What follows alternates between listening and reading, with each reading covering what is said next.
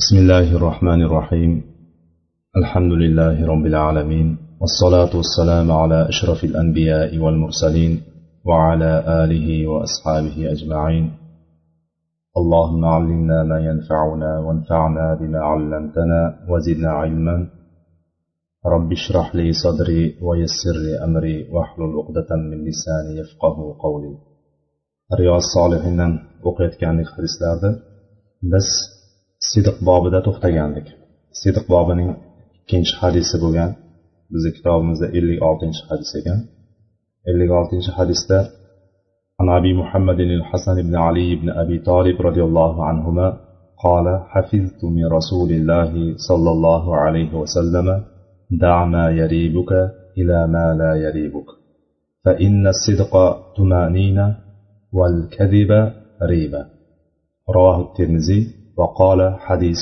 صحيح bu hadisda bizga payg'ambarimiz sollallohu alayhi vasallamni nevaralari ya'ni ali roziyallohu anhuning va payg'ambarimiz sollallohu alayhi vasallam qizlari fotima onamizning o'g'illari hasan roziyallohu anhu bizga rivoyat qilyapti hasan roziyallohu anhu haqidagi xabarlarni biz juda yaxshi bilamiz hasan va husayn roziyallohu anhular ular egizak bo'lmagan ko'pchilik bilganidek ya'ni biz odatda egiz tug'ilganlarga albatta hasan husan yoki fotima zuhra degan ismlar qo'yiladi. Lekin bu narsani asli bizni shariatimizda asli yo'q. Ya'ni xohlagan ismni qo'ysa bo'laveradi. Va bu yerda ham hasan va husayn roziyallohu anhular bularni o'rtasida bir yosh ikki yosh atrofida ya'ni o'rtasida farq borligini biz tarix kitoblaridan siyrat kitoblaridan yaxshi bilamiz. Hasan roziyallohu anhu husandan katta bo'ladi. Albatta shuning uchun egizak tug'ilganda ham kattasi husan hasan bo'ladiyu shunga o'xshab turib. Hasan roziyallohu anhu kattasi bo'ladi va husan roziyallohu anhudan ko'ra ilmda ham e, jismoniy jihatdan ham kuchli bo'lgan sahoba bo'ladi. Payg'ambarimiz sollallohu alayhi vasallamni yonida katta bo'lgan payg'ambarimiz sollallohu alayhi vasallamni olamdan o'tganlarigacha payg'ambarimiz sollallohu alayhi vasallamni yonida bo'lgan yosh sahobalardan bittasi bu kishi hijriy uchinchi yilda ramazonda dunyoga keladi. Hijriy uchinchi yil bo'lgandan keyin payg'ambarimiz sollallohu alayhi vasallam hijriy o'ninchi yilda vafot etganlar. Ya'ni payg'ambarimiz vafot etgan paytlarida yetti yosh chamasidagi bola bo'ladi. Tasavvur qiling hozir yetti yosh bola. Yetti yosh bola u yoshi qirqqa ellikka borib qolgan paytda bizga hadis rivoyat qilib beryapti.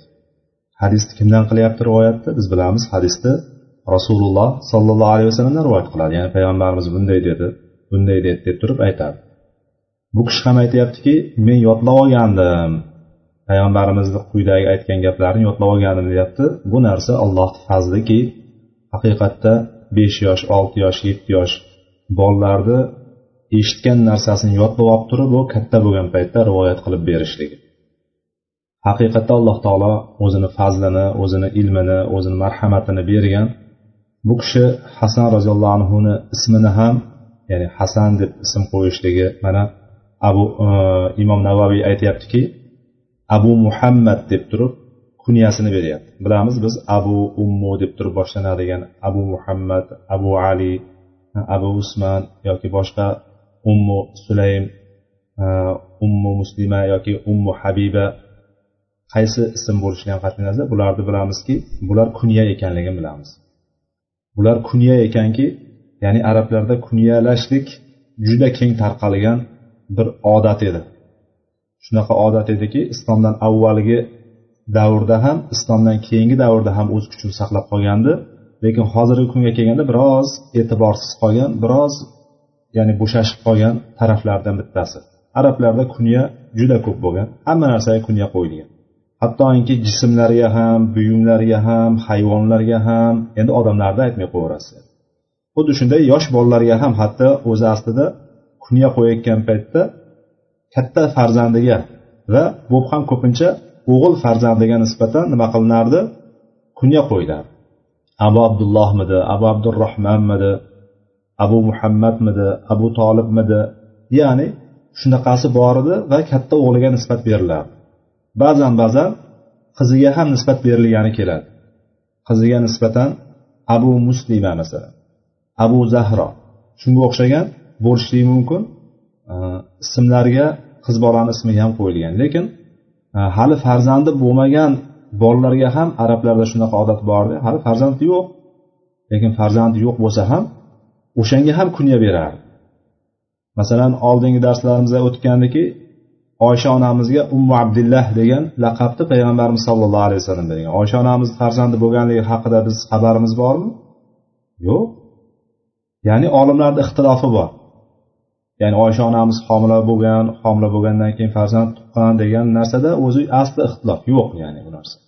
Faqat aytilgan ba'zi gaplar bor o'sha tug'ilganda ham tug'ilib yashamagan deydi boshqa deydi har xil gaplar bor. Lekin to'g'riroq fikr o'sha kuchlirog'i jiyanlariga nisbatan berilgan. Ya'ni asmo binti abi bakr roziyallohu anhu ya'ni opalari asmoni o'g'li abdulloh o'sha abdulloh ibn zubayrga nisbatan ya'ni hijratda ilk tug'ilgan farzand abdulloh ibn zubayr bo'ladi. Abu bakr roziyallohu anhu nevaralari muhojirlarni ichida dunyoda o'sha hijrat qilib borgandan keyin hijrat diyorida ya'ni madinada ilk tug'ilgan farzand abdulloh ibn zubayr bo'ladi ya'ni o'shanga nisbatan umma abdulloh deb turib kunyalangan deydi. Va mana shu kunyalar haqida biz har safar gapiramiz va o'sha narsani yana bir eslatgan bo'ldik va bu yerda imom navaviy agar bir hadisni rivoyat qilayotgan bo'lsa roviylarni xossatan sahobiylarni yanada kengroq tanitishga harakat qiladi bizga tanishtirishga harakat qiladi va o'shanda kunyalarini keltiradi va odamlarni ichida ko'p e, tanilmagan ismlarini keltiradiki bular mana shu ismlarga ega mana shu asli ismi bunaqa bo'lgan kunyasi bunaqa bo'lgan deb turib bizga tanishtirib ketadi. Birinchi marta hadis rivoyat qilayotgan bo'lsa undan keyingilarida bevosita odamlar o'rtasida nima bilan tanilgan bo'lsa o'sha ismini aytib ketaveradi. Masalan ibn masud deydi ibn abdulloh deydi. Lekin ularni boshida nima degandi? Har bittasini kunyasini ismini to'liq zikr qilgan. Masalan abu hurayra deymiz. Abu hurayra boyagi bu ham kunya lekin laqab o'rnidagi kunya. Hech kim mushukchani otasi bo'lolmaydi misol. Odam mushukni otasi bo'lolmaydi faqat bunga majoz nisbatan berib turib laqab qo'yilgan ya'ni mushukchani otasi deb qo'yilgan abu hurayra deb bilamiz. Lekin o'shani boshida o'qigan abu hurayra haqidagi abu hurayrani rivoyatini keltirgan paytda imom navoiy keltirgandiki abdurahmon ibn sahr deb turib keltirgan. O'zini ismini va otasini ismini keltirib ketgan. Bu yerda ham abu muhammad deb turib aytib ketyapti. Abu muhammad kunyasini ham hasan ismini ham payg'ambarimiz sollallohu alayhi vasallam qo'yganlar. Payg'ambar sollallohu alayhi vasallam vafot etayotgan paytlarida bu yetti yosh atrofida bola bo'lsa buni bolasi bo'lmaydigan bo'lsa qanday kunya qo'ydi? Hozir aytganimizdek arablarda hatto buyumlarga ham jismlarga ham ishlatayotgan narsalariga ham nima qilardi kunya qo'yardi. Xuddi shunday bunda ham kunyasini ham ismini ham payg'ambarimiz sollallohu alayhi vasallam qo'ygan ekan. Biz u kishini e, hasan roziyallohu anhuni e, biz siyratlardan manoqiblardan juda yaxshi bilamiz. Payg'ambarimiz sollallohu alayhi vasallam hasan va husaynlarni jannat yigitlaridan ekanligini bashorat berganlar. Xushxabar berganlar ya'ni ularni jannatiy ekanligini va ikkita musulmon katta jamoasini o'rtasida ixtilof paydo bo'lgan paytda o'shalarni o'rtasida ixtilofni ko'taradi. Mana shu meni o'g'lim deb turib aytganlar. Mana shu hasan roziyallohu anhu bo'ladi va bu narsa haqiqatda o'sha eng ixtilof uchiga chiqqan paytida otalari ali roziyallohu anhu o'ldirilgandan keyin bu kishiga bayat beriladi. Bayat berilgandan keyin ma'lum muddatdan ya'ni olti oyni ichida ixtilof naryoqda muaviya roziyallohu anhuga shom shom diyorida muaviya roziyallohu anhuga e, bayat berilgan bo'ladi. Ya'ni go'yoki butun musulmon davlati ikkiga bo'linib qolgan payt bo'ladi. Va hasan roziyallohu anhu unga maktub yo'llab agar sen agar musulmon jamoatni birlashtiraman bosh bo'laman deydigan bo'lsang boshliqni senga beraman va senga bo'ysunaman deydi va unga taslim topshiradi. Topshirgandan keyin musulmon katta musulmon jamoasi ikkiga bo'linib qolgan jamoasi birlashadi. Mana shuni payg'ambar sallallohu alayhi vasallam tiriklik chog'larida hali bu bola go'dak ekan ya'ni hasan roziyallohu anhu go'dak paytida ya'ni yosh bola paytida payg'ambarimiz sallallohu alayhi vasallam unga bashorat berib ketganlar.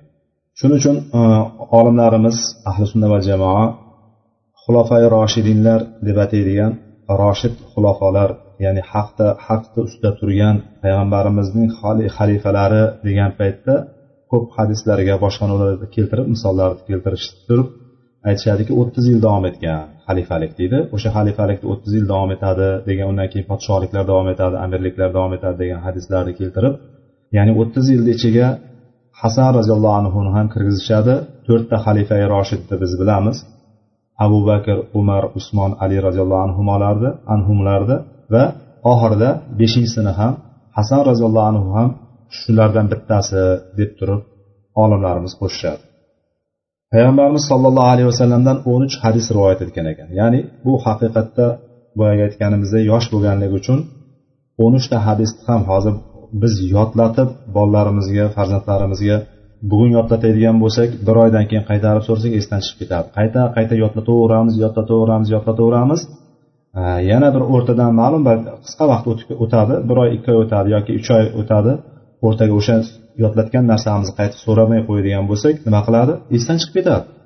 Bu narsa tajribada ko'rinib turibdi. Ya'ni o'zimizni hayotimizda ham ya'ni bizga hozir bunday orqaga qaraydigan bo'lsak yoshlik paytimizga qaraydigan bo'lsak nimalar esimizda qolgan? Esimizda qolgan narsalar boyagi aytayotgandek bizni juda ta'sirlantirgan narsalargina esda qolgan bo'lsa o'sha qolgan narsa ham obrazli shaklda qolgan. Ya'ni so'zi so'z shaklda qolmagan bizda. Mana shunday degandi men bunaqa devdim u bunaqa dedi mana shunaqa mana shunaqa mana shunaqa dedi degan narsani yetti yoshlik davrimizdagi biron narsani keltira olamizmi? Voqeani yoki hodisani? Menga shunaqa devdi mana shu narsalarni men hali ham qilib yuribman degan narsamiz bormi? Ya'ni bu nodir suratda bo'ladigan narsa. Lekin alloh taolo sahobalarni yosh bo'lsin yoshi katta bo'lsin qari bo'lsin alloh taolo ularni tanlab oldiki dinni payg'ambar sollallohu alayhi vasallamdan keyin bu ummatga yetkazib berishlik vazifasini ularga topshirgan. Mana shuning uchun ularga alloh taolo bu fazlini berdi. Alloh taolo fazlini xohlaganga beradi. Mana shu o'n uchta hadis rivoyat etgan ekan va elliginchi hijriy elliginchi yilda ya'ni bu olti yuz yetmishinchi milodiy yilga to'g'ri keladi vafot etib faqiy qabristoniga dafn qilingan ekan. Alloh undan rozi bo'lsin. Ho'p endi hadisni matniga kirishamiz. Hasan ibn ali roziyallohu anhu anhumo bizga aytyaptilarki rasululloh sollallohu alayhi vasallamdan mana bu narsalarni mana shunday deb aytib ketgan mana shu gaplarni yodlab olgandim deyapti. Hafiztu min rasulillah ya'ni yodlab olgandim shu narsalarni payg'ambarimizdan. Deb turib hadisda aytdiki da ma yaribuka ila ma la yaribuk dedilar. Ya'ni e, riba asli shubha. Shubha degan shak shubha degan narsa riba degan. Qur'onda ham alif lam mim zalikal kitabu la royba fi la royb royb degani mana riba. Royb riba yaribuk bu fe'li royb degan shubha alif lam mim zalikal kitab la royba fi. Ya'ni unda biron bir shak shubha bo'lmagan bu kitob deyapti alloh taolo qur'onda aytyapti. Hudallil muttaqin muttaqinlarga yo'llanma hidoyatdir deb aytganda rib ya'ni arabchadagi rib royib deganimiz nima ekan? Shubha ekan. Bu yerda dama yaribuka ya'ni seni shubhaga solgan narsani tashla shubhaga qo'ygan seni shubhalantirayotgan narsani tashlaginda shubhalantirmaydigan narsani olgin deyapti. Ya'ni ikkita narsa turibdi qarshingizda. Buni biz hozir ma'no tarjima qilyapmiz ma'nosini beryapmiz. Bu yerda lekin so'zma so'z tarjima qilsa boshqacharoq tarjima bo'ladi. Ya'ni so'zma so'z tarjima qilsa da vadadan chiqqan da ma yaribuka ila ma la yaribuk degani shubhali narsani shubhasiz narsaga qoldir degan. Shubhasiz ya'ni shubhali narsani shubhasizga qoldir degani ya'ni ikkita narsa turibdi qarshingizda. Bittasi shubhali bittasi shubhasiz. Siz shubhasi bo'lmaganini shubhasiz bo'lganini tanlagin degan go'yoki shubhali narsani tashladi shubhali bo'lmagan narsani olgin degan. Va hadis davomida mana shu jarayon shubha shubhani biz qanday ajratamiz? Qayerda shubha bor qayerda shubha yo'q degan narsani qanday ajratamiz? Ajratgan paytimizda payg'ambarimiz sollallohu alayhi vasallam go'yoki bu hadis davomida mana shunday bo'ladi shubhali narsa. Shubhasiz degan narsa mana bunday bo'ladi deb xuddi bizga tushuntirib sharhlab berayotgandek. Fa sidqo tumanina dedilar. Tumanina. Tumanina degani xotirjamlik. Ya'ni qalbingizda hech narsa ikkilanish taraddud bir qalqish degan narsa bo'lmaydi. Ya'ni xotirjam haraj degan narsa bo'lmaydi. Xotirjamlik bo'ladi. O'sha narsani tumanina deydi arabda arabchada. Chunki sidiq mana shu bizni hadisimizga imom navaviy keltirgan bu bobda keltirganligini sababi sidiq. Chunki sidiq ya'ni rostgo'ylik sodiq bo'lgan narsa to'g'ri bo'lgan narsa bu xotirjamlikdir.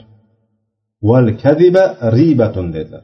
Va yolg'on bo'ladigan bo'lsa bu ribatun shubhadi dedilar. Shubhalidir dedilar. Yolg'on shubhalidir. Mana shu hadis ulamolar aytishadiki bu hadisni din asllaridan bo'lgan ya'ni fiqh usuli fiqni asosiy e, bo'limlaridan bittasiga kiradigan muhim hadislardan bittasi deydi.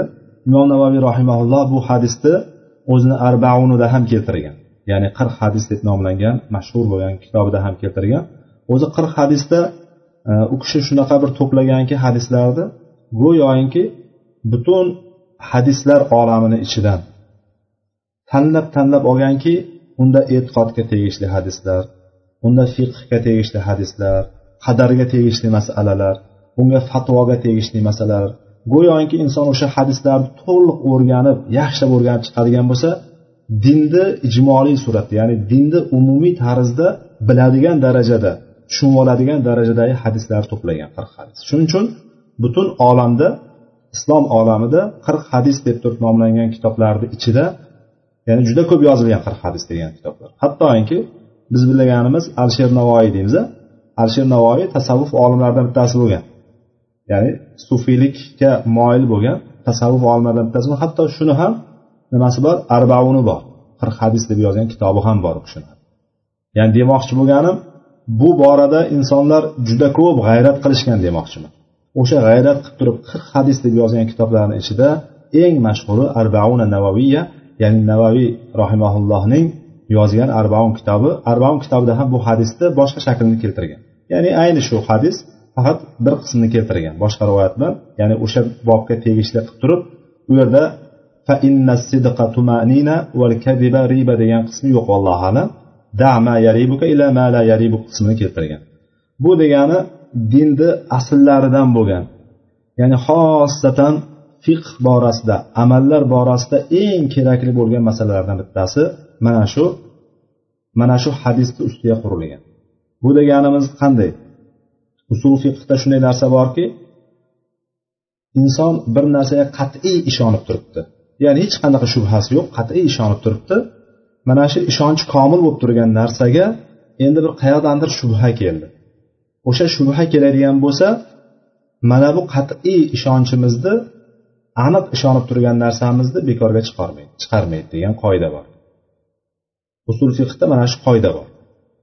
Ya'ni inson bir narsaga qat'iy ishonib turgan bo'lsa aniq ishonib turgan bo'lsa bir qandaydir shubhalanib qoladigan bo'lsa o'sha narsa nima qilmaydi ekan ishonchni bekorga chiqarib yubormaydi ekan mana shu qoidani mana shu hadis zamirda chiqariladi. Da ma yaribuka ila ma la yaribuk degan hadisni zamirda chiqadi. Bu deganimiz bu hadisda qarshingda ikkita narsa turibdi. Bittasi shubhali bittasi shubhasiz. Tursa shubhalini tashladi shubhasizini ol degan. Ya'ni buni misol qilishim mumkin. Masalan kiyimimizga bir najosat tegib qoldi. Najosat tegdi qon tegdimi yoki bovul tegdimi yoki boshqa bir najas narsalardan nimadir tegdi. Biz uni ko'rolmaydigan darajada mana shu yerga teguvdi o'shani o'sha payt ketqizishlikka yuvib tashlashlikka imkonimiz bo'lmadi. Misol ko'chada edik boshqa yerda edik e, avtobusda edik yoki har qanday holatda. O'sha narsani ketkazolmadik qayerga tekkanligini biz oldiga tegdimi orqasiga tegdimi yoki teparog'iga tegdimi pastrog'iga tegdimi keyin kelgan paytimizda qurib ketgan yo'q ekan ko'rinmay qolgan. Ana shu yerda biz o'zimizdagi shubha qayerda turibdi? Shubha o'sha yerdan yo pastiga tegdi yo tepasiga tegdi degan shubha turibdi. To'g'rimi? Yo orqasiga tegdi yoki teparog'iga tegdi yoki buyog'iga tegdi degan narsa turibdi. O'shanda biz shubhada turibmiz. Qaysi birini qilamiz? Endi o'shanda biz shubhasizini tanlashimiz kerak. Agar biz tepasini yuvib qo'ysak tasavvur qilaylik tepasini yuvib qo'ydik. Shu pastiga tekkan bo'lishi mumkin edi degan xayolimiz bo'ladimi? Bo'ladi. Bu shubha. Shubhani ko'proq shayton olib keladi. Endi o'shanday holat bo'lib qoladigan bo'lsa siz tepasini ham pastini ham yuvasizda shubhani ketkazasiz bu bitta ko'rinish. Ikkinchi ko'rinishi deylik siz tahorat olyapsiz. Tahorat olayotgan paytingizda tahoratni a'zolarni yuvdingizda biz qanday yuvishimiz kerak? Payg'ambar sallallohu alayhi vasallam ko'rsatganlardek payg'ambar sallallohu alayhi vasallam tahorat qilib ko'rsatganlar bir martada hamma a'zolarni bir martada yuvib turib mana bu tahoratni mana bu siz alloh taolo namozni qabul qilmaydi. Ya'ni mana bu alloh taolo buyurgan farz degani yani. alloh taolo buni farz qildi degan bir martadan a'zolarimizni hammasini ya'ni tahorat a'zolarimizni hammasini bir marta yuvib chiqadigan bo'lsak nima bo'ladi? Tahorat qilgan bo'lamiz. Farzni bajargan bo'lamiz. Bu ikkinchi martadan yuvib ko'rsatdilarda payg'ambar sallallohu alayhi vasallam bu tahoratni bir ko'rinishi dedilar.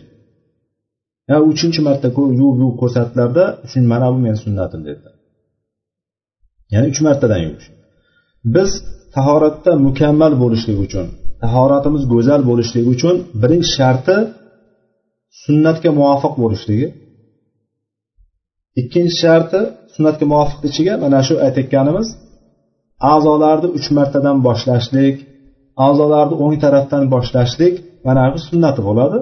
Va ikkinchisi bironta joyiga qoldirmasdan ya'ni suv tegishligi kerak bo'lgan biron joy ya'ni tirnoqni kattaligicha ya'ni e, jimjilog'imiz borku chinaqay deydimi?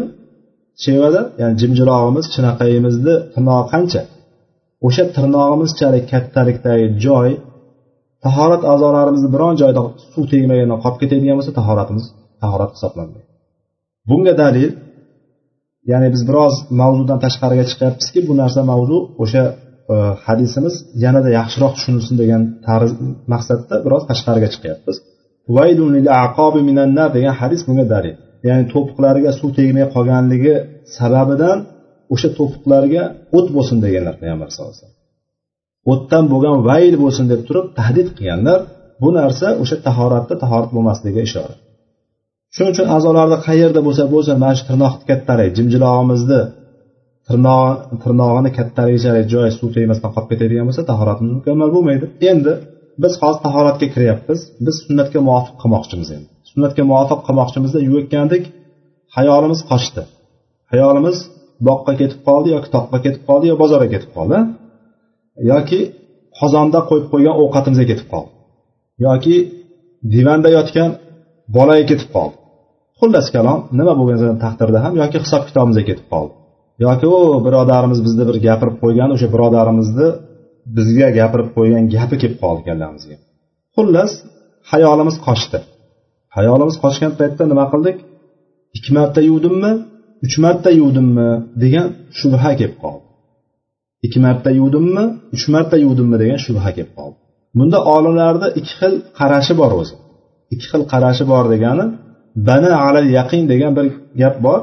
Bana alal yaqin degani ishonchli bo'lganiga qaytadi degani bor. Siz gumoningiz qanday? Shubha qilyapsiz hozir ikki marta yuvdim shekilli yo uch marta yuvdim shekilli? Ikki marta yuvdimmi? Uch marta yuvdimmi deganda aniq ikki marta yuvdim degani ya'ni ikki marta yuvdim deganingiz uch marta yuvdim degandan ko'ra g'olibroq fikringiz kelib tursa ikki marta aniq yuvdim shekilli. Lekin uchinchi martasida um, menimcha uchinchi marta yuvmadim deb turgan bo'lsangiz ikki marta deb e'tibor qilasiz. Ikkinchi ko'rinishi ba'zilar aytadiki agar teng bo'lib qoldi shak bo'lib qoldi. Shak degani teng. Ikkala tarafda ham yuzda ellikka ellik bu taraf ham ellik foiz bu taraf ham ellik foiz. Ya'ni ikki marta yuvdimikan uch marta yuvdimikan ikkalasidan bittasi og'irroq kelmayapti. Ikkalasi ham tengma teng bo'lib qolgan paytda bittasini tanlashga to'g'ri keladi. Bittasini tanlashga to'g'ri kelgan paytda olimlarni ikki xil fikri bor. O'shalardan ikki xil fikrda bittasi kamiga qaytadi. Kamiga qaytadi degani nima? Kamiga qaytadi degani masalan ikki marta yuvdimmi uch marta yuvdimmi desa kamiga qaytsa ikki marta yuvgan hisoblanadi va qo'shimcha uchinchi marta yuvadi. Nimaga biz bu gumonni shunchalik darajada e'tibor berishimiz kerak tahoratda ham deydigan bo'lsak ha e'tibor berishimiz kerak. Tahoratni payg'ambarimiz sallallohu alayhi vasallam bitta bitta o'rgatganlar va tahoratni mukammal qiladigan bo'lsa inson tahorat a'zolariga mukammal yetkazib chiroyli qiladigan bo'lsa va qiyin kunlarda ya'ni tahorat olishlik qiyin bo'lib turgan makorih bo'lib turgan nafs xohlamay turgan paytlarda olishlikni payg'ambarimiz sallallohu alayhi vasallam deganlar. Ya'ni mana bu ribot ollohni yo'lida mana shu mustahkam turishlik mana shudir deb turib aytgan ribot degani asli jang maydonida jangni kutib turishlikni ribot deydi aslida. O'sha yerda qo'riqchilik qilib turishlikni dushmanni kutib turishlikni ribot deydi. Mana bu ribotni darajasi juda yuqori ya'ni belni bog'lab turishlik degan. Ya'ni ibodatda mustahkam turishlikda payg'ambarimiz sallallohu alayhi vasallam mana shu uchta sanagan narsadan bittasini ichida ribat deb aytgandir. Ya'ni tahoratni mukammal olishlik. Ha tahoratni mukammal oladigan bo'lsak ikkinchisi gunohlarimiz to'kiladi. Oxirgi qator tomchini tushishligi bilan yoki o'sha yuvganimiz suv bilan yuzimizni yuvadigan bo'lsak qovoqlar osti qovoqlarimizdan ko'zlarimiz orqali qilingan gunohlar yuviladi. Qo'limiz bilan qilib yuvadigan bo'lsak tirnoqlarni ostidan gunohlar yuviladi. Oyoqlarni yuvadigan bo'lsa oyoqlarni ostidagi tirnoqlarini tagidan gunohlar chiqib ketadi. Agar boshiga mahs tortadigan bo'lsa quloqlarni yumshoqlaridan deb chiqib ketadi degan sunnatlarda hadislar kelgan. Ya'ni buni sharti nima mukammal qilish a endi buni oshirib yubordik. Masalan xotirjam boyagi aytayotgandek ba'zilar shu yuvmadim shekilli deb qayta qayta yuvaveradi bu vasvas. Bunaqa holatga tushib qoladigan bo'lsa kim bundan oshiradigan bo'lsa buni o'tkazib yuboradigan bo'lsa bu yomon qilibdi va zulm qilibdi deganlar payg'ambarimiz sallallohu alayhi vasallam. Yomon qilibdi va zulm qilibdi deganlar. Hadis sahih hadisda keladi. Kim mana shu tahoratni tahoratda agar tajovuz qiladigan tahoratda oshirib haddidan oshirib yuboradigan bo'lsa ya'ni uch martadan ko'proq yuvishlik yoki a'zolarni belgilangan joyidan o qo'ltiqqacha yuvish tasavvur qiling. O qo'ltiqqacha yuvib yuborasiz qo'lni yo bo'lmasam boyagi aytayotgandek boshimni yuvaman yuzimni yuvaman deb turib boshini ham u tepasigacha yuvadi. Sochlarni ham aralashtirib u tepagacha yuvishlik maydonni kengaytirishlik ya'ni. Bu ikki xil ko'rinishini ham olimlar aytishgan. Sonini ko'paytirib yuborish ham shuni jumlasiga kiradiki payg'ambarimiz sallallohu alayhi vasallam bu zulm qilibdi va yomon qilibdi degan. Ya'ni bu narsani tahdid go'yoki tahdid qilingan. Yomon qilibdi va zulm qilibdi degani bu narsani saqlanishligimiz kerak ha? Demak tahoratimizda a'zolarimizni yuvayotgan paytimizda xotir bemalol hayol suribmas hayolni bir joyga qo'yib turib chiroyli qilib mukammal qilishga harakat qilishligimiz kerak. Endi kam ko'pga ikkilanib qolgan paytimizda kamiga qaytamiz. Kamiga qaytamiz o'sha narsa mukammal bo'ladi. Agar haqiqatda to'g'ri topgan bo'lsak mukammal bo'ladi. Agar bitta oshib ketgan bo'ladigan bo'lsa biz bu mana shu hadisga ko'ra ushlaganimiz uchun nima qilamiz? Biz bu narsadan mafun ya'ni biz kechirilgan bo'lamiz. O'shani bitta oshirib yuborishligimizdan biz mukammal qilishlikka mana shu qoidaga mana shu hadisga ko'ra amal qiluvdik deymiz. Ba'zi olimlar bo'lsa boyagi hadisda tahdid qattiqroq kelgan shuning uchun deydi ko'piga qaytadi deganlar bor tahoratda. Ko'piga qaytadi deganlar bor. Ye bu yerda hozir bu kishi bunaqa dediku bitta olim kishi bunaqa degandi degan fikrlar chiqib qolmasin degan maqsadda aytilyaptiki bu narsa hatto e, bu narsa ko'pchilik faqih olimlarni fikrida mana shunaqa kamiga qaytadi deyilgan. Lekin men ko'piga qaytamanda bu ham tahoratni bir ko'rinishku deydigan bo'lsam zarari yo'q u ham tahorat hisoblanadi. Boyagi aytayotganingizdek bir martadan yuvdilar tahoratni farzi. Ikki martadan yuvdilar tahoratni bir ko'rinishi uch martadan yuvdilar tahoratni mukammal bo'lishligi deydilar endi boyagi kam bo'lib qolsa kam bo'lib qolsin tahorat ya'ni farz bajarilgan bo'ladi kamayib qolgan bo'lmaydi degan olimlarni ham fikri bor. Endi namozga kelamiz namozga keldi inson? Namoz o'qiyapti ikki rakat o'qidimi? Uch rakat o'qidimi? Yoki uch rakat o'qidimi? To'rt rakat o'qidimi? Xuddi hozirgi qoidaga qaytamiz. Hozirgi qoidaga qaytganimiz o'qidimmi o'qimadimmi? degan ikkilanish kelib qoladi shayton. Chunki alloh bilan bizni munojat qilishligimizni bizni gunohlardan poklangan holatda alloh o'sha namozdan namozdan yoki masjiddan namoz joy namozi ustidan turishligimizni shayton xohlamaydi. Shuning uchun bizga tinimsiz vasvasalarni keltiraveradi keltiraveradi keltiraveradiki hattoki odamlar o'rtasida o'rtasida keng tarqalgan gap borki bir narsani yo'qotsang namoz o'qigin nimaga? Yo'qotgan narsangizni shayton eslatadi namozni ichida eslatadi. Bir narsa yo'qotib qo'ygan bo'lsang qo'ygan joyingni eslolmayotgan bo'lsang ikki rakat namoz o'qi deydi. Bu haqiqatdan bir kulgili bunday olib qaraydigan bo'lsa lekin haqiqatda shunaqa. Hech o'ylamagan ho yillar bo'lib ketgan kerak bo'lsa yo bo'lmasam boyagi aytayotganda umuman hayolingizda yo'q narsa namozga turishingiz bilan keladi nimaga? Shayton bizni gunohdan poklangan holatda chiqishimizni umuman xohlamaydi.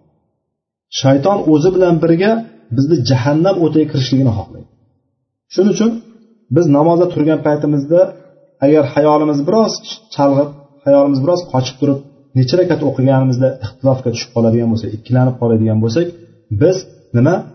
G'olibiga qaytamiz. Qaysi biri ishonchliroq? O'shasiga qaytamiz. Ishonch bo'lmaydigan bo'lsa tengi teng bo'lib qoladigan bo'lsa ikki taraf ham ikki rakat o'qidim uch rakat o'qidim tengga teng bo'lib qoladigan bo'lsa ana bu holatda kamiga qaytishlikka buyurilganmiz. Bu hadislar bilan keladi. Kamiga qaytsin deydi. Ya'ni uch rakat o'qidimmi ikki rakat o'qidimmi degan gumon kelib qoladigan bo'lsa ikki rakatga qaytamiz va to'rt rakatni davomini yo uch rakatni davomini o'qiymiz. Agar to'g'ri topgan bo'lsak namozimiz mukammal bo'lgan bo'ladi. Agar oshirib yuborgan bo'lsak bu o'zi uchun nafila bo'ladi. Mana bu narsa namozdagi. Endi undan keyingi bir boshqa holat. Inson tahoratliman. Men masalan tahoratli edim siz tahoratli edingiz namozga chiqdingizda tahorat bilan ketuvdingiz. Namozdan qaytdingiz. Tahoratli tahoratli edingiz hali ham tahoratingiz bor edi. Endi peshinda o'qiganmiz o'sha payt endi asr kelib qoldi. Vaqti asr kelib qoldi siz o'rtadan ma'lum vaqt o'tdi. Siz bu o'rtada qancha muncha ishlarni qildingiz namozlarni o'qidingiz e, bolalar bilan u yoqqa chiqdingiz bu yoqqa chiqdingiz yoki qo'shnilarnikiga bordingiz yoki o'rtoqlaringizga bordingiz. Ya'ni xullas kalom vaqt o'tdi o'rtadan. Ikki uch soat vaqt o'tdi. Endi o'sha payt sizda ikkilanish paydo bo'lib qoldi. Tahoratim bormidi yo'qmidi degan gumon paydo bo'ldi. Tahoratim bormidi yo'qmidi degan gumon paydo bo'lgan paytda endi nima qilasiz? Endi siz yaqin bo'lgan ya'ni aniq ishongan narsangizga qaytasiz aniq ishongan narsangiz nima edi? Masalan sizni odatingiz bor tahorat olgandan keyin namozni o'qiyar o'qimas tahoratni buzadigan odatingiz bor. Tahoratingiz buziladi ya'ni. Shunaqa siz o'zingizni bilasiz. Tahoratingiz namozni o'qiyar o'qimas tahoratingiz buziladi. Shunaqa odam bo'ladigan bo'lsangiz men tahoratim bormidi bormasmi deydigan bo'lsangiz tengga teng bo'lib qolgan ikkilanib qolgan shubhaga tushib qolgan paytingizda siz o'zingizni holatingizdagi aslga qaytasiz. Asl nima edi? Siz namozni o'qigan lekin tahoratsiz buzadigan odam edingiz. Tahoratingiz buzilgan hisoblanadi. Agarchi tahoratingiz bor bo'lgan bo'lsa ham tahoratingiz buzilgan deb e'tibor qilinadi. O'zingizga e'tibor o'sha nuqtani qo'yasiz. Men tahoratim buzilgani aniq chunki men har doim buzardim. Endi hozir saqlab turishligimga ikkilanib qolgan paytingizda har doim buzadigan holatingizga qaytasiz. Qaytasizda borib turib tahorat topib namozingizni o'qiysiz. Endi ikkinchi holat. Siz doimiy tahoratda yuradigan odamsiz. Uncha munchaga buzmaysiz tahorat shunaqa kishi bo'ladigan bo'lsangiz siz ikkilangan narsangizda yaqinga qaytasiz. Ya'ni g'olib har doim nima qilardingiz? Odatingiz qanday edi? Tahorat bilan yurishlik edi. Siz o'shanda men tahoratliman deysizda namozni o'qiysiz agar tahoratingiz bo'lsa nurun ala nur nur ustiga nur siz to'g'ri topgan bo'lasiz va o'shan bilan ajrlangan bo'lasiz. A endi boyagi aytgan tahoratsiz bo'lib turib siz bilmaysiz tahoratsiz bo'lganda ertaga nariyoqqa borganda bilasiz. Agar shu dunyoni o'zida esiga tushib qolsa boshqa masala.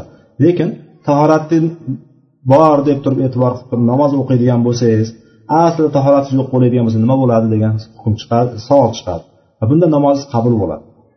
Siz boyagi narsani tanlashda mana bu hadisga ko'ra dama yuribuk yaribuka ila ma la yaribuk degan hadisga binoan va bizni olimlarimiz faqihlarimiz bizga qo'yib bergan qoida bo'yicha yaqin ishonchni ya'ni inson qat'iy bo'lgan ishonchini shubha ketqizmaydi degan qoidaga binoan amal qilganligingiz uchun siz mana shu joyda o'ziz uchun o'sha holatingiz uchun mushtahid hisoblanasiz va o'sha narsada siz xato qilgan bo'lsangiz ham bitta ajr olib ketaverasiz. Ya'ni bu narsa qabul bo'ladi. Bu narsa bizga alloh taoloni bergan ne'mati hisoblanadi. Ha endi bilib qoldingiz. Namoz o'qiyotgan paytingizda tahoratim bor edi deb turib namoz o'qib boshlavdingiz lekin to'rtinchi rakatni tashahhudida o'tirgan paytingizda endi salom beraman deyotgan paytingizda esga tushib qoldi. Boya bir tahoratni sindirib kelgan ekansiz. Esingizga tushib qoldi. Nima qilasiz? Salom berib chiqasiz tahoratni olasiz qaytadan o'qiysiz namozni ho'p bu namoz ichida ekan. Endi namoz o'qib bo'lgandim Э, men shu narsani fikr qiluvdimku o'tib ketdi demaysiz. Agar kechga tomon esiga tushib qoldi o'sha payt tahorati singani yuzda yuz aniq bo'ldi. Siz kirgan ekansiz halolga borgan ekansiz hojatga borgan ekansiz va e, siz o'sha namozni boyagi men tahorat bilan yurardim degan narsa bilan fikr bilan tahoratsiz o'qib qo'ygan ekansiz. Nima bo'ladi?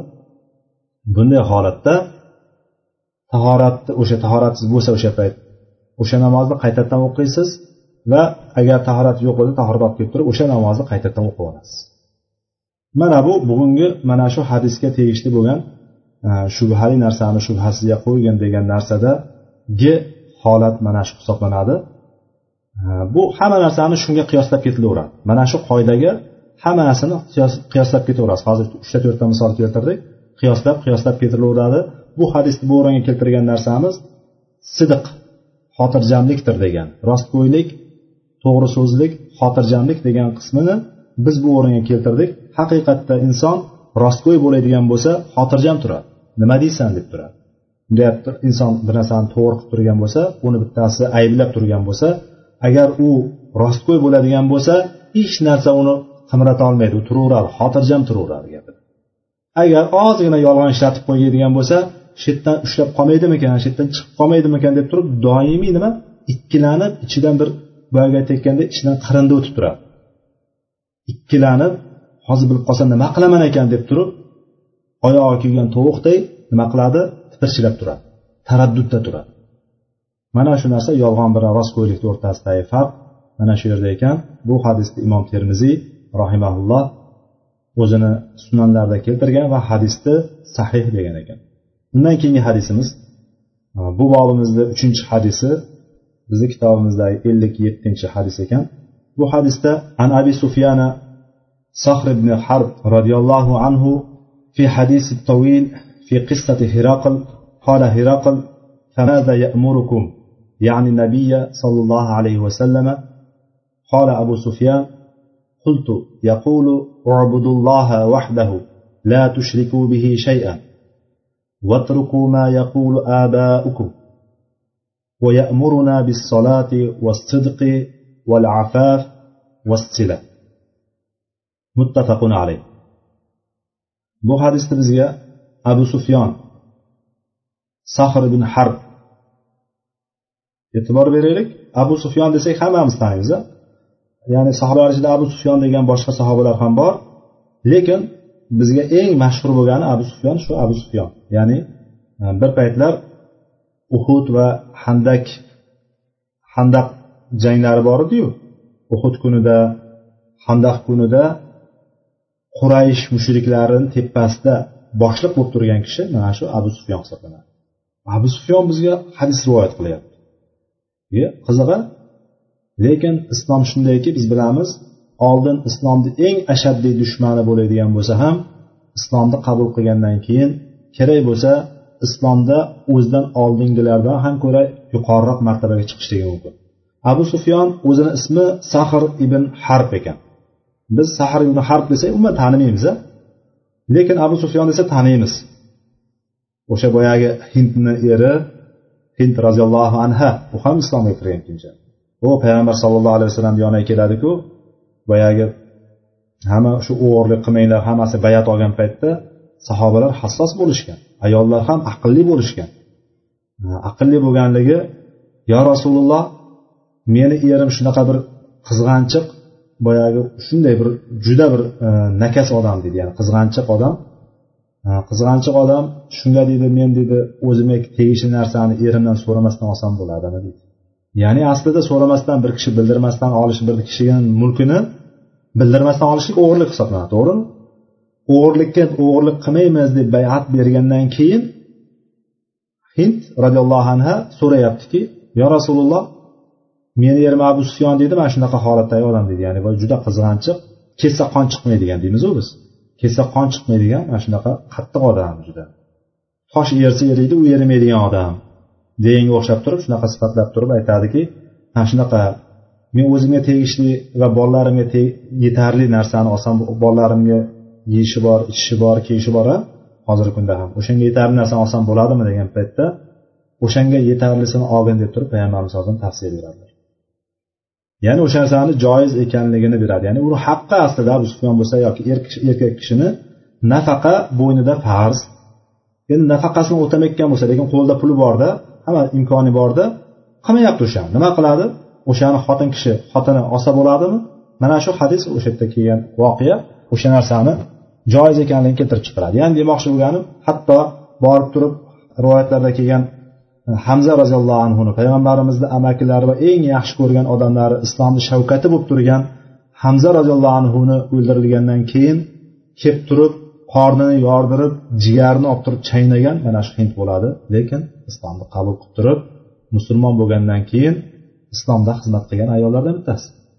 Abu sufyon ham mana uhud kunida musulmonlarga qanday zarba berdi? Handaq kunida qanday hamma mushriklarni hammasini boshlab kelib turib qanchalik butun arab yarim oroldagi hamma qabilalarni musulmonlarni ustiga ya'ni madinaga qarab turib bostirib olib kelgan kishi mana shu kishi bo'lgan.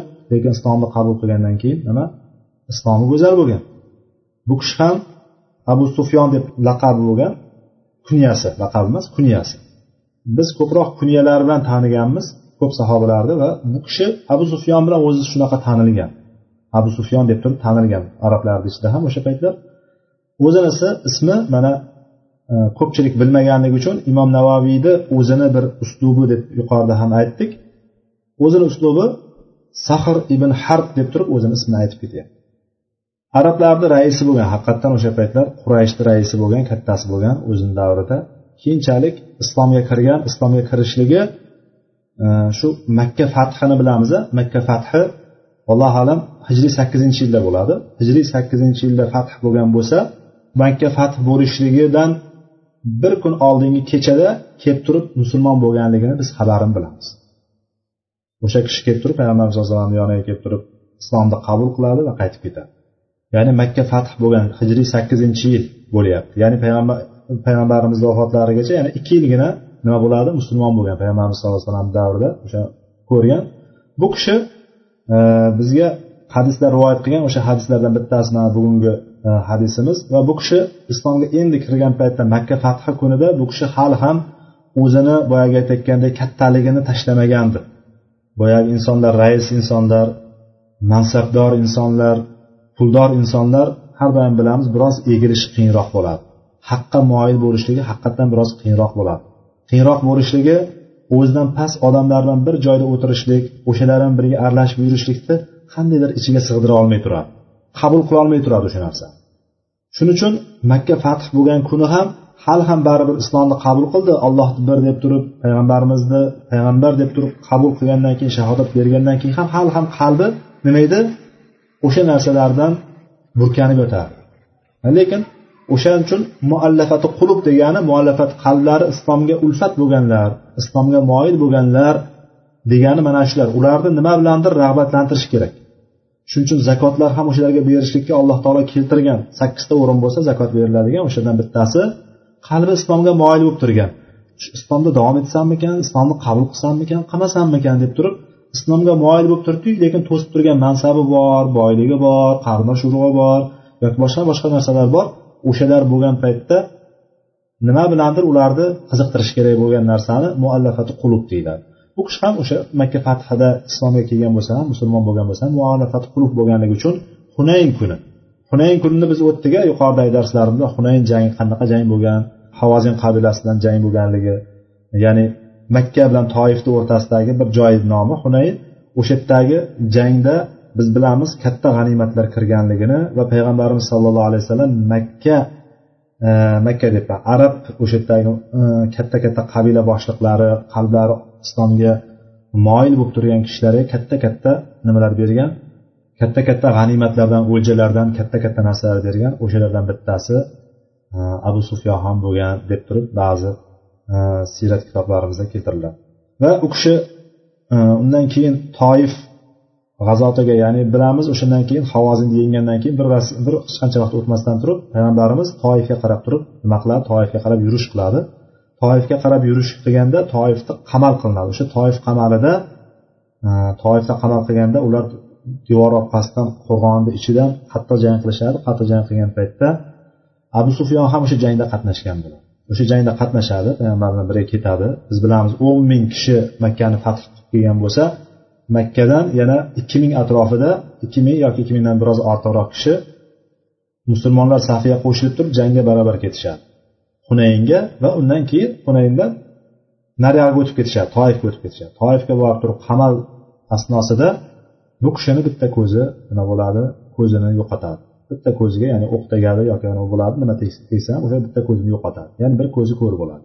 Va undan keyingi yarmuk g'azoti bor yarmuk jangi bor. Yarmuk jangida ikkinchi ko'zni ham yo'qotgan kishi mana shu abu sufyon roziyallohu anhu bo'ladi. Bu kishini o'g'illarini bilamiz moviya roziyallohu anhuni.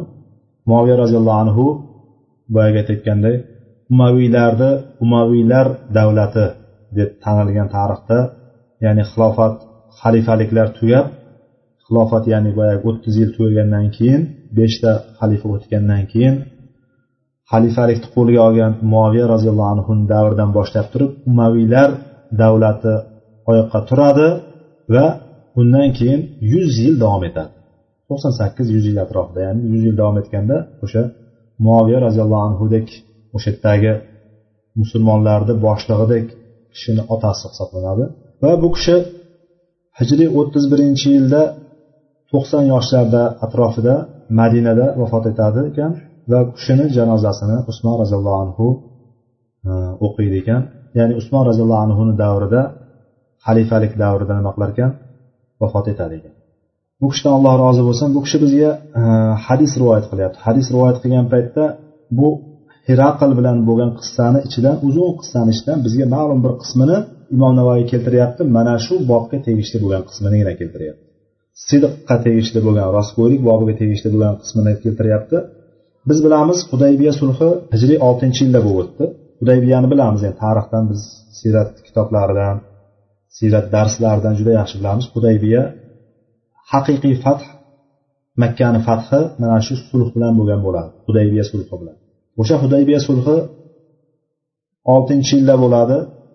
Hijriy oltinchi yilda bo'ladi.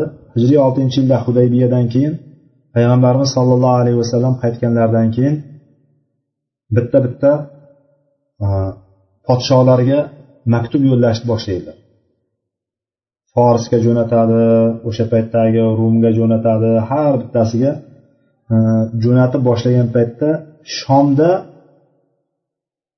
shomda hiraql degan nasroniylarni kattasi bo'ladi. Boshliq. O'shanga ham hiraqlga ham deb turib shom amiri shom podshosi hiraqlga deb turib maktub yo'llanganda maktubni o'qib turib bu maktubni o'qigandan keyin hiraql bu narsani aniqlik kiritamiz bunga deydida shom bilamiz arablar asosan shomga borib turib tijorat karvonlarini tijorat qilib o'sha yerdan narsa olib kelib turib madinaga makkaga sotishgan o'sha yerda katta katta tijorat maydonlari bo'lgan. Ketinglar boringlar qidirib topib kelinglar bironta arablarni o'sha makkadan chiqqan arablarni deb turib jo'natadi. Jo'natgan paytda aylanib aylanib abu sufyon va atrofida bir necha kishi bo'ladi o'shalarni olib kelishadi. Sizlarni kattamiz raisimiz boshlig'imiz podshomiz sizlarni ko'rmoqchi sizlar bilan gaplashmoqchi deb turib ularni yetalab kelishadi olib kelishadi soqchilari.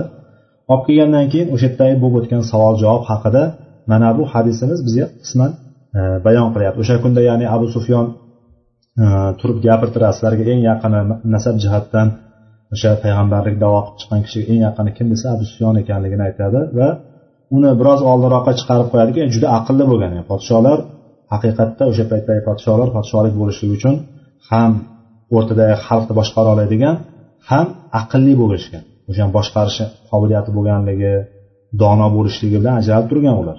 Va biroz oldinroqqa abu sufyon chiqarib qo'yib turib orqaga u bilan kelgan yonidagi hamrohlarni orqasiga qo'yib turib aytadiki tarjimon orqali aytadiki agar bu to'g'ri gapirayotgan bo'lsa deydi orqadagilar tasdiqlab turishsin deydi agar yolg'on gapirayotgan bo'lsa o'sha paytda o'zi ishora qilishsin deydi ya'ni hech qanaqa imkon qoldirmaydi.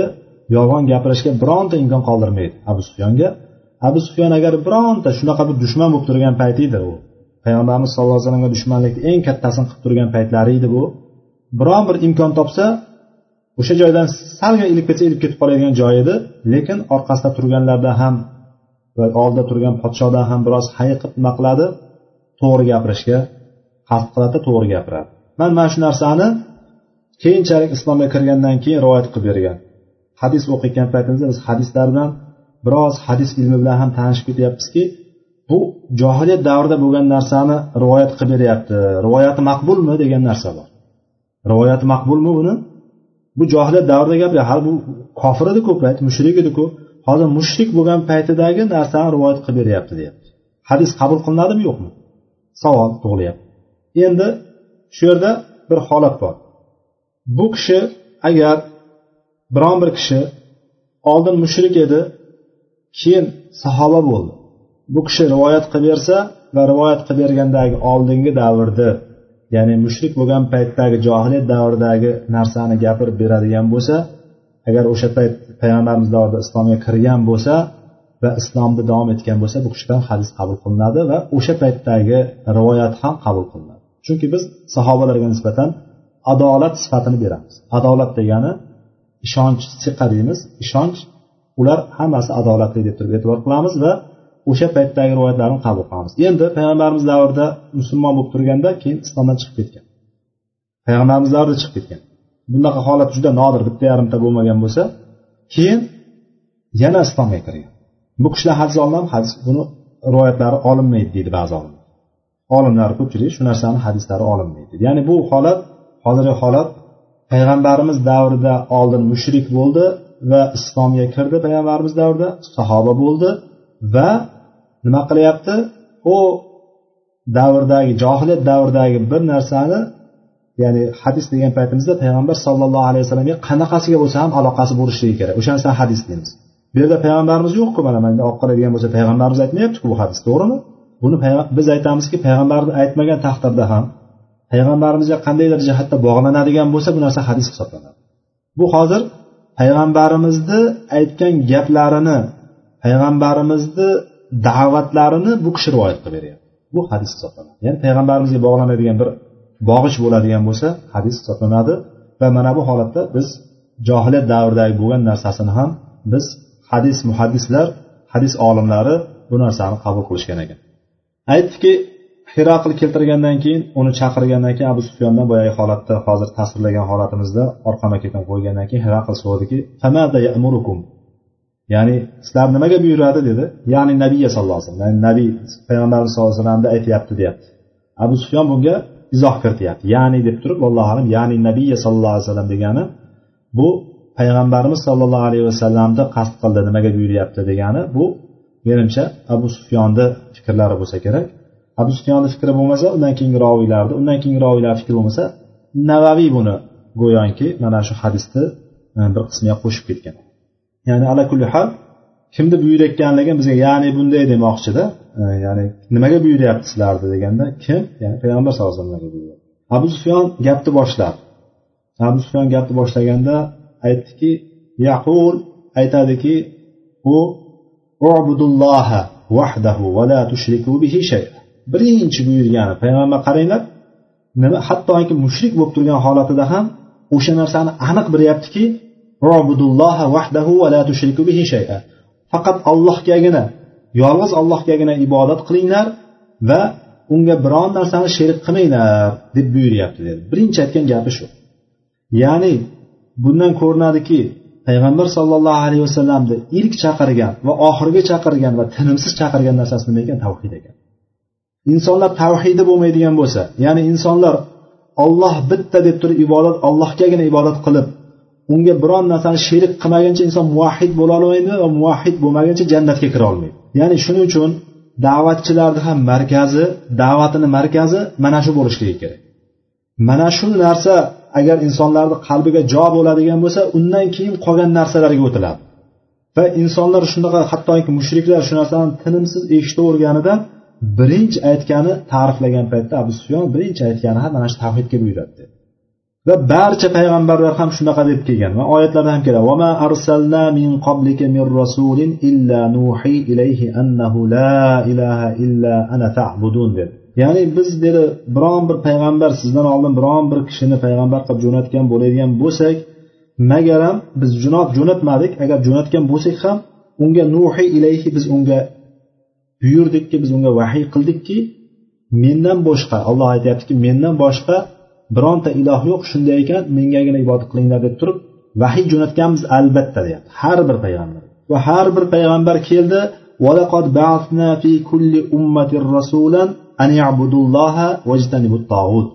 ya'ni har bir payg'ambar keldi payg'ambar nima bilan keldi? Har bir ummatga ya'ni barcha ummatga. Payg'ambar sollallohu alayhi vasallamgacha bo'lgan qaysi ummat bo'lmasin qaysi qabila bo'lmasin qaysi xalq bo'lmasin qaysi millat bo'lmasin har bittasiga albatta allohni hukmlarini yetkazuvchi payg'ambarlar kelgan va ular kelgan paytda shu narsani olib kelgan. Abudulloh allohgagina ibodat qilinglar va shaytonga shaytondan uzoq bo'linglar tog'utdan uzoq bo'linglar degan bitta narsani da'vat qilib kelgan. Da'vatlarni asosi nima bo'lyapti? Allohga ibodat qilishlik bo'lyapti. Va shuning uchun abu abu sufyan shu narsani aytdi va davomida qaranglar. Ota bobolaringiz aytayotgan narsalar tark qilinglar deb bu degani nima degani? Ya'ni go'yoki biz aytayotgan ya'ni biz qilayotgan o'zimizga butlar qilib olgan narsalarni ya'ni boyagi butlarimiz biz bularni but deb sig'inmayapmiz. Bular biz bilan ularni o'rtasi allohni o'rtasidagi nima qiladigan? Vositachi deb bilamiz ularni. Ya'ni biz bevosita allohga bog'lana olmaymiz. Olloh bizni gapimizni eshitmasligi mumkin yoki e'tibor bermasdan tashlab qo'yishligi mumkin. Mana bu butlarimiz solih kishilarni hozir biz o'zimizga yasab olganmiz buni. O'shani orachi qiladigan bo'lsak o'rtaga qo'yadigan bo'lsak vositachi qiladigan bo'lsak bizni duolarimizni allohga osonroq yetkazadi. Va alloh taolo bizga ijobat qiladi ibodatlarimiz qabul bo'lishi osonlashadi degan narsani aytishardi. Shuni aytyapti. Hozirgi kunda ham borib turib zang ota deydi nur ota deydi boshqa ota bu ota u ota hamma qo'yliq ota hammasiga borib turib nima qilib kelyapti odamlar. Nauzubillah. So'rab kelyapti. Farzandi yo'q farzandini so'rab kelyapti. Ishi yurishmayotgan ishi yurishini so'rab kelyapti. Uylanolmayotgan uylanishligini so'rab kelyapti. Kasal odam sog'liq so'rab kelyapti shifo so'rab kelyapti ya'ni bu narsa so'rayotganligi shirk akbar bo'lyapti. Katta shirk bo'lyapti. Dindan chiqaradigan shirk bo'lyapti. Musulmonman deb turgan bo'lsa ham nima? Odamlarni ko'pchiligi tillarida musulmonman deb turgani bilan lekin ular mushrik holatida musulmonman deb turadigan oyat bor ya'ni iymon keltirdi musulmonman mo'minman deydiyu lekin tilidagina bo'ladi. Xuddi shunga o'xshagan va allohgagina ibodat qilib unga biror narsani shirk qilmaslikni taqozosi nima ekan? Hozirgiday ota bobolari aytib turgan ota bobolari qilib kelgan ishlarni tashlashlik ekan. Abu sufyan shunaqa deyapti. Ota bobolarimiz aytgan narsalarni tark qilishlikka buyuryapti tark qilishligi boyagi ishlaridan tark qilishlik. Ya'ni shirk shirklaridan aytayotgan gaplaridan yuqorribuna ilallohi zulfa. Bizni allohga yaqinlashtiradi. Allohga bizni vosita qiladi bizni duolarimizni yetkazib beradi degan gaplarini inkor qilib keldi. O'shani tashlanglar dedi. Bo'lmasam ularga hm, qarindosh urug'qa yaxshilik qilib bog'laninglar yo bo'lmasam bu ishni qilinglar degan gaplarni hech ham inkor qilmagan. Payg'ambar sallallohu alayhi vasallam ularni inkor qilmagan. Inkor qilgan narsasi nima edi? Ularni shirklarini aytayotgan noto'g'ri gaplarini inkor qilib keldi. Ular aytishardi mushriklar bo'lmag'ur nopok bir ishlarni fohish ishlarni qiladigan bo'lsa aytishardiki biz ota bobolarimizni mana shuni ustida topardik mana shunday qilganini ko'rardik va alloh taolo shunga buyurgan deydi qarang allohga tuhmat qilib yuboryapti ota bobolarimiz ano emas ota bobolarimiz shunchaki bilmasdan yurgan ekanda shuncha bo'lmasa. Ota bobolarimiz bilgan alloh taolo ularga shunaqa buyurgan. Biz ham shuning uchun qilyapmiz deydi bu narsa bilan nima qilyapti? Ular ollohga toshatyapti. Allohga bo'xton tuhmat toshini ollohga otyapti xuddi shunday mana shuni tark qilishlikka buyurdi degandan keyin undan keyingi aytayotgan narsasi ko'ryapsizlarmi birinchi tavhid bo'ldi. Undan keyin ilk buyurilgan narsa nima bo'lyapti? Qaranglar namozga buyuryapti. Tavhiddan keyin keladigan narsa nima ekan? Namoz ekan. Insonlar mana yerda qalbimda bor deb turib ko'kragiga uradi insonlar ko'kragiga uradi ey men musulmonman deydi nima deysan? deydi. Boshim ochiq bo'lsa ham orqam ochiq bo'ladigan bo'lsa ham deydi.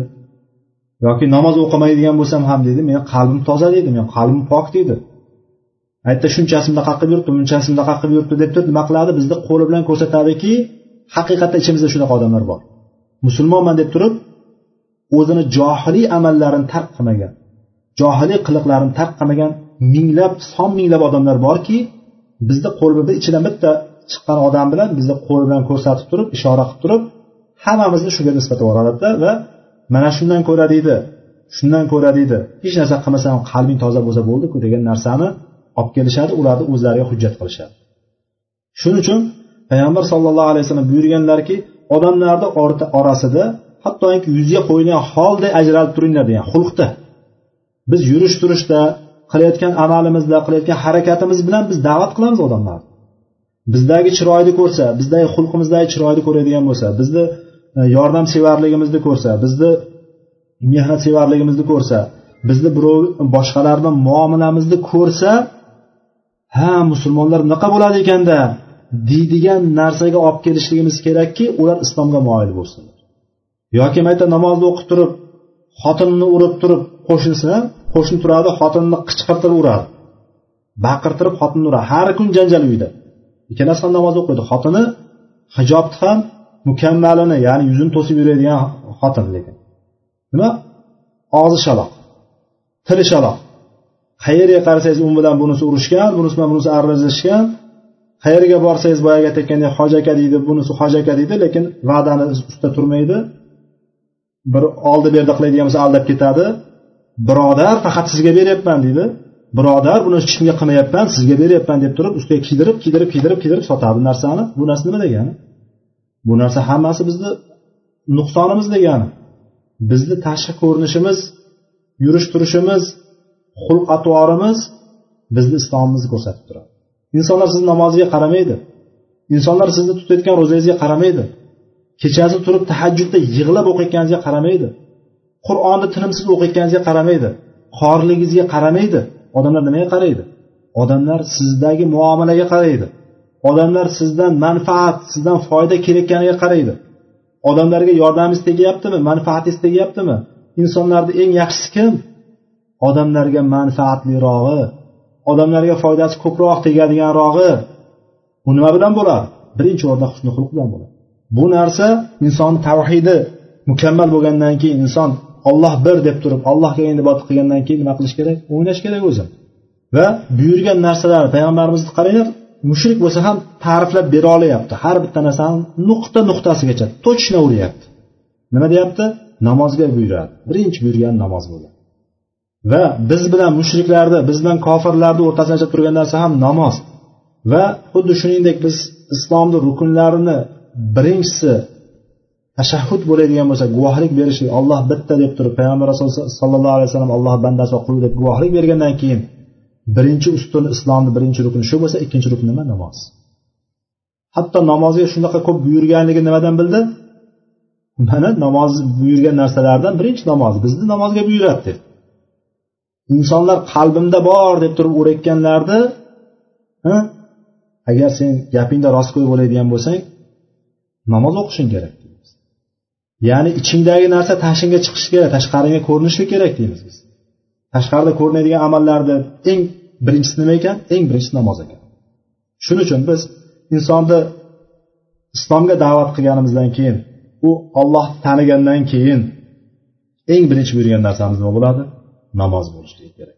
Bu harom bu narsani qilsang bunaqa bo'ladi buni qilsang do'zaxga kirasan buni qilsang bunday bo'lasan deb turib faqat biz hukmlarni bermaymiz. Hukmlarga hali oho qancha bor? Hukmlarni bilib olishlik uchun hali o'zimiz hukmlarni mukammal bilmaymiz. Lekin qaytarishga ustamiz turib olamizda bunday qilib o'tirma mumkin emas unday qilib yotma bunaqa mumkin emas bunday qilma bu mumkin emas bunday qilma bu harom bunday qilma bu narsa makruh. Hamma narsani yodlab olganmiz bu narsani qilaveramiz lekin uni o'zi o'rnini borligini bilmaymiz hattoki. O'rnini borligini bilmaymiz. Qo'lingni bir biriga kirishtirma deydi. Qo'lingni kirishtirma mumkin emas bu narsa deydi. Mumkin emas. Qayerda mumkin emas degan narsa bor qayerda mumkin emas? Qani javob beringlarchi qayerda mumkin emas? Qo'lni tashbik kirishi tashbik deganimiz qo'lni bir biriga kirishtirishlik. Qayerda mumkin emas? Ba'zilar shuni bilib olganda at tashbik mina shayton degan hadis bor. Tashbik shaytondandir degan hadis bor lekin hadisni oxirgi qismi shu joyni bilib olganda tashbikdan qaytaradi qo'lni bir biriga kirishtirishlik bor barmoqlarni bunday qilib kirishtirish o'shani qaytaradi. Qayerda qaytariladi narsa? Qani o'ylab ko'ringlar. Qani keyingi darsga to'g'ib kelinglar qayerda qilinar ekan? Al ihtiba degan narsa bor. O'tirganda ihtiba bor yoki qorsufa deydi. O'tirgan paytda tizzani ko'tarib quchoqlab o'tirishlik. Tizzani quchoqlab o'tirish ikkita oyoqni ham ko'taradida orqasini yerga qo'yib turib ikkita tizzasini ko'targan holatda quchoqlab o'tirishlik. Bunaqa o'tirma mumkin emas bu deydi. Qayerda mumkin emas? Bu narsani bilmasdan turib faqat qaytaramiz. Bu narsa mumkin emas bu narsa harom. Yo'q biz hukmlarga emas. Birinchi tavhidni singdiraylik iymonni singdiraylik va namozga buyuraylik. Inna solata tanha anil fahshai val munkar.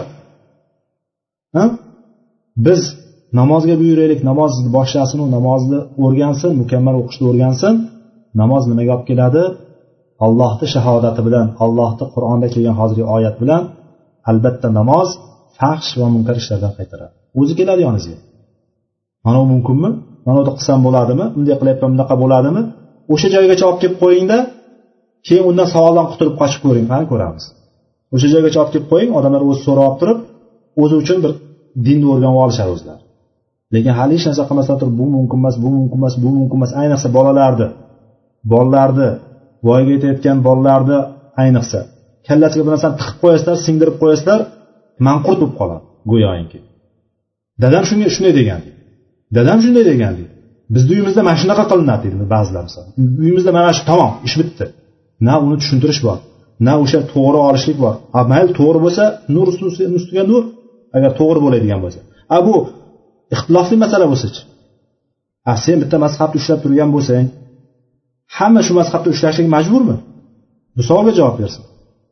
Insonda alloh taoloki la ikroha fid din dindan majburlab dinga kiritishlik yo'q deb qo'ygan bo'lsa a biz maxluq bo'lib turib biz bir inson bo'lib turib kimga nimani buyura olamiz? Farzandlarga bir narsalar singdirib qo'yaylik dadam shunday qilgan e, ayam shunaqa degan oyim shunaqa degan deb turar ekan yo'q asli bunaqa emas bunaqa qilinadi. Mayerda bunaqa hadis bor deydigan bo'lsangiz boyani qabul qilishligi bundan ko'ra ayerda bir to'rtini olib kelib turib takrorlasangiz takrorlab qo'yadi o'shani o'rganib yodlab oladi. Lekin mana shu narsaga e'tibor berish kerak. Shuning uchun birinchi namozlarni yaxshilab mukammal qilib olaylik. Keyin bitta bitta buyurilgan narsa buyurilayotgan narsalarni davomli o'qiymiz endi. Vassidqa qaranglar. Ikkinchi buyurgan narsasi namozdan keyin nima turyapti? Namozdan keyin rostgo'ylik turyapti. O'shanga buyuryapti. Unday qilma bunday qilma emas. Nima nimaga buyuryapti ekan? Rostgo'ylikka buyuryapti ekan. Rost so'zlashga rostgo'ylikka o'rgatish kerak mana bu bizni bu hadisda oladigan joyimiz. Mana shu qismi uchun imom navoiy mana shu o'ringa keltirdi. Biz yuqoridagi narsalar bilan biroz o'qib qoldik chalib qoldik. Mana shu qismda sidiqqa buyurdi. Undan keyingi buyurgan narsasi al afaf avvaki ifaf ya'ni afaf iffat iffat deymiz iffat deganda nima tushunamiz? Biz o'zbek tilida iffat degan paytimizda ha bu boyagi iffatli ekan deymiz iffatli deganda nomusini saqlab yurgan tushuniladi aksariyat holatda o'zini saqlab yurgan nomusini saqlab yurgan iffatli ayol ekan. Ko'pincha ayollarga nisbat beriladi. Iffat degani arab tilida keng qamrovli so'z bo'lib turib iffat ikki xil ko'rinishi. Birinchisi hozirgi aytayotgan ma'nomiz bor albatta o'zbek tiliga o'tgan ma'nosi. Nima? Iffatni o'zini iffati deganida farjini zinodan saqlash. Erkak bo'lsin ayol bo'lsin bu iffat bo'ladi. Ikkinchisi qornini qornini ya'ni insonni nafsini saqlashlik. Nafsini tiyishlik bu iffat hisoblanadi. Nafsini tiyishlik nimadan? Birovlardan so'rashlikdan tiyilish ham iffat hisoblanadi. Endi birinchi qismiga ozgina to'xtaymiz. Zino. Zinoni bilamiz katta gunoh ekanligini. Alloh taolo zinoni zinoni qilmanglar deb buyurmadi alloh taolo. Zinoni qilmanglar deb turib bizni buyurmadi. Nima dedi alloh taolo? Vala taqrobu zina dedi.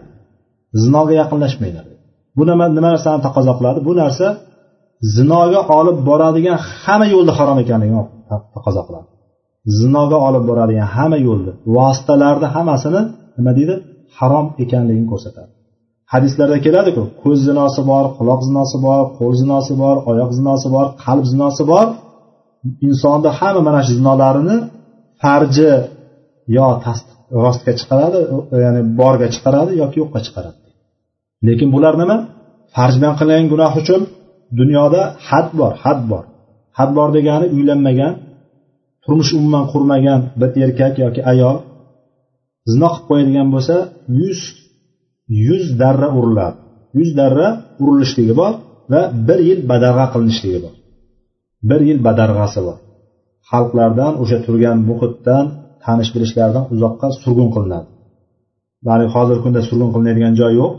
Allohu alam hozirgi kunda menimcha agar ulamolar bir anavi qilib bersa balki qamoqqa tashlansa kerak menimcha. Allohu alam.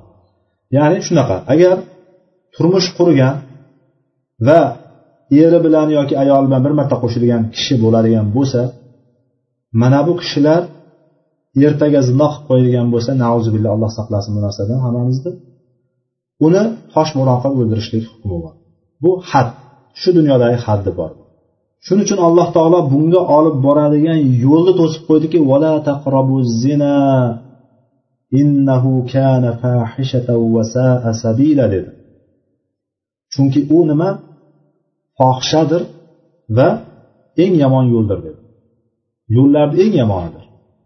buni ta'sirida nasllar buzilib ketadi oilalar buzilib ketadi hamma narsa buzilib ketadi shuning uchun uni oldini to'sadigan narsa alloh taolo unga olib boradigan narsadan to'sib qo'ydiki va ayollarga xossatan ayollarga diqqat qilamiz xossatan ayollarga buyurdi alloh taolo وقرن في بيوتكن ولا تبرجن تبرج الجاهلية الأولى dedi alloh taolo ahzob surasida Uylaringda qaror topinglar uylaringda o'tiringlar dedi. Ayollar ha deganda ko'chaga yugurib chiqib ketavermaydi ha deganda u yoqdan bu yoqqa yuravermaydi. Zarurat bilangina chiqadi ayollar. Zarurat bilan chiqqanda ham davomida nima deyapti oyatda? Vala tabarrojna tabarrujal jahiliyat ula avvalgi johiliyat davridagi nima? Ochilib sochilib yurishlaring kabi shunaqa holatda bo'lmanglar deyapti. Duxiylarni sepib olib atirlarni sepib olib chiqmanglar. Ko'zlaringni bo'yab olib turib hijob kiyib chiqmanglar. Ko'zlaringni bo'yab a ko'zi ochiq qoladiku. Yuzni yopib olganda ham ko'zlarini bo'yab olgan. Nima degani bu? Menga qara degani bu. Alloh taolo nima deyapti? Uylaringda o'tiringlar. Agar zarurat bo'lib chiqib qolgan paytda ham johiliyat amallarini qilmanglar deyapti. Johiliyatdagidek ochilib sochilib yurmanglar o'zlaring ko'ch ko'ch qilmanglar deyapti. Va mana shu narsani oldin to'sib qo'yilishlikni sababi insonni yuzini ham olimlarni ko'pchiligini bergan fikrlari. To'g'ri biz bu narsani mazhablarda farqi bor yuzni ochib yurishlik anisi bor. Lekin eng fitnalantiradigan narsa nima? Savol beraylik o'zimizga eng fitnalantiradigan narsa nima? Insonni qomati har qancha kelishgan bo'lsin yuzi tasqariday bo'lib tursa biron erkak qaraydimi? Qaramaydi. Hijob tagida qomati bilinmaydi. Qomati bilinmagan taqdirda ham yuzi chiroyli bo'lib turadigan bo'lsa yuz husndor bo'ladigan bo'lsa jalb qilayotgan narsa nima bo'lyapti? Shu bo'lyapti.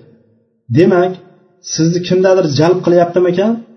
O'sha narsani siz yuzni ochib jalb qilayotgan yuzni yopib yurishlikni boshni o'rashdan ko'ra yuzni o'rashlik avloroq bo'lib qoladi. Go'yoki fitna qiladigan narsa o'sha bo'lib qolayotgandek go'yo shuning uchun ko'pchilik olimlar yuzni yopishlikni tavsiya qilishgan.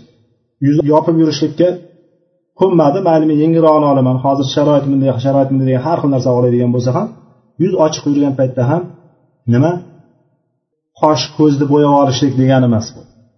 Bundan keyin buni yo'lini to'sadigan narsa erkaklardan ayollardan erkak ayollar bo'ladigan bo'lsa bu narsadan hazir bo'lishlik kerak uzoq bo'lishlik kerak. Biz zinodan to'sadigan yo'lni alloh taolo bizga buyuryaptimi? Yaqin yo'lamanglar deyaptimi zinoga biz nomahram bironta erkak bilan yoki bir ayol bilan bir bola bilan bir qiz bilan gaplashishimiz nima bo'ladi? Zinoga olib borayotgan narsa bo'ladi va haromga kirayotgan bo'lamiz. Qani bir o'zimizdan misol qilaylik har birimiz o'zimizga bir qaraylik. Biz o'sha nomahram erkak bilan yoki bir ayol bilan yoki bir qiz bilan bizni bola bilan gaplashgan paytimizda hech ta'sirlanmaymiz. Hech ta'sirlanmaymiz. Qalbimizdan hech narsa kechmaydimi hech narsa o'tmaydimi qalbimizdan o'shanga nisbatan bir bo'lsa ham tuyg'umiz uyg'onmaydimi? Oddiy holat. Man aytay bir bola bilan gaplashayotganda yosh chaqaloq bola bilan gaplashayotganda yoki bir yosh ikki yosh bola bilan gaplashayotgan bilan aytda katta bir erkak bilan gaplashayotganda yoki bir e, yosh e, ikki yosh uch yosh qiz bilan gaplashayotgan bilan o'n sakkiz yashar qiz bilan gaplashayotgani o'rtasida farq bormi yo'qmi? Gaplashayotganda umuman ta'sirlanmaysiz. Umuman ta'sirlanmayotgan bo'lsangiz demak sizda bir kasallik bor. Lekin sizda kasal bir narsa qo'zg'alyaptimi ichingizda? Ichingizda qo'zg'alayotgan narsa biling shahvat. O'sha shahvat qo'zg'alyaptimi? Demak siz haromga kiryapsiz. Siz nimaga odamlardan tinimsiz savol so'raysiz? Savol so'rashlikni bitta sababi bor. Chunki qalbingiz xotirjam bo'lmayapti. Yuqorida aytganimiz nima dedi assidqu tumanina dedi payg'ambar sallallohu alayhi vasallam. Sidiq rostgo'ylik to'g'ri narsa qalb xotirjam bo'ladi shuni. Siz borib birovdan narsa so'rashga hojatingiz qolmaydi. Qalbingizda ikkilanish paydo bo'lib turibdimi? Bir narsada ikkilanyapsizmi? Siz iloji yo'q borib so'raysiz. Bittasi bir narsa deb qo'ygan bo'lsa ham yo'q bu narsa bo'lmaydi deb aytgan bo'lsa siz yana qalbingiz xotirjam bo'lmayapti. Shuni bo'ladi degan bittasini qidirib yuraverasiz. Bittasi bo'ladi degan bo'lsa ham qalbingizda yana bir shubha qolyaptiki yana bittasini ham so'ray deysiz go'yoki siz qilayotgan ishingizni boshqalar bilan tasdiqlab olmoqchi bo'lasiz. Lekin qalbingizda nima chiqib turibdi? Qalbingizdan o'sha narsani noto'g'rilik kelib chiqib turibdi. Ikkilanib taraddud turibdimi kelib chiqib turibdimi? Biz musulmonman dedikmi? Bo'ysundik dedikmi? Olloh bitta dedikmi? Roditu billahi robban dedikmi? Robbim olloh dinim islom payg'ambar muhammad deb turib biz rozi bo'lib turib taslim bo'ldikmi? Biz namoz o'qib yuribmizmi? Hijobimizni o'rab yuribmizmi? Yoki iltizomda yuribmizmi? Ya'ni iltizom deganimiz doim namozlarda hamma ibodatda degan. Ibodatda yuribmizmi? Biz mana bu kichik narsa emas bu katta narsa bu. Buni orqasidan ya'ni boyagi aytayotganimiz zinoga olib boradigan yo'llarni orqasidan bir yigit bilan bir bolani bir tanishishligi ko'rishib yurishligi yo bo'lmasam boya telefonda gaplashib qo'yishligi qaysi bir turi bo'lishidan qat'iy nazar internetda gaplashib qo'yishligi bu narsalar insonni shahvatini qo'zg'ashligi va haromga kirishligiga bir qadam odim tashlashlik hisoblanadi. Bu narsa haromdir. Endi ikkinchi holat. Inson turmushi bor. Turmushi bo'lib turgan holatda bir erkak bilan gaplashishi yo bo'lmasam bir ayol bilan gaplashishi nima bo'lishidan qat'iy nazar. O'sha narsa o'rtasida nima bo'lyapti? Gaplashishligi bir gaplashganda hech narsa bo'lmasligi mumkin. Lekin ikkinchi marta gaplashyapti uchinchi marta gaplashyapti bu narsa sekin sekin qaltir narsani olib keladiki hattoki oilalarni buzilishligiga sabab bo'ladi. Oilalarni buzilishligiga o'rtada fasodlarni kelib chiqishligiga har qanday buzg'unchiliklarni kelib chiqishiga mana shu narsa sabab bo'ladi alloh taolo bizga nima dedi? Zina dedi. Zinoga yaqin yo'lamanglar dedi. Alloh taolo bizni zinoni har qanday ko'rinishdan o'zi saqlasin bizni ofiyatda saqlasin.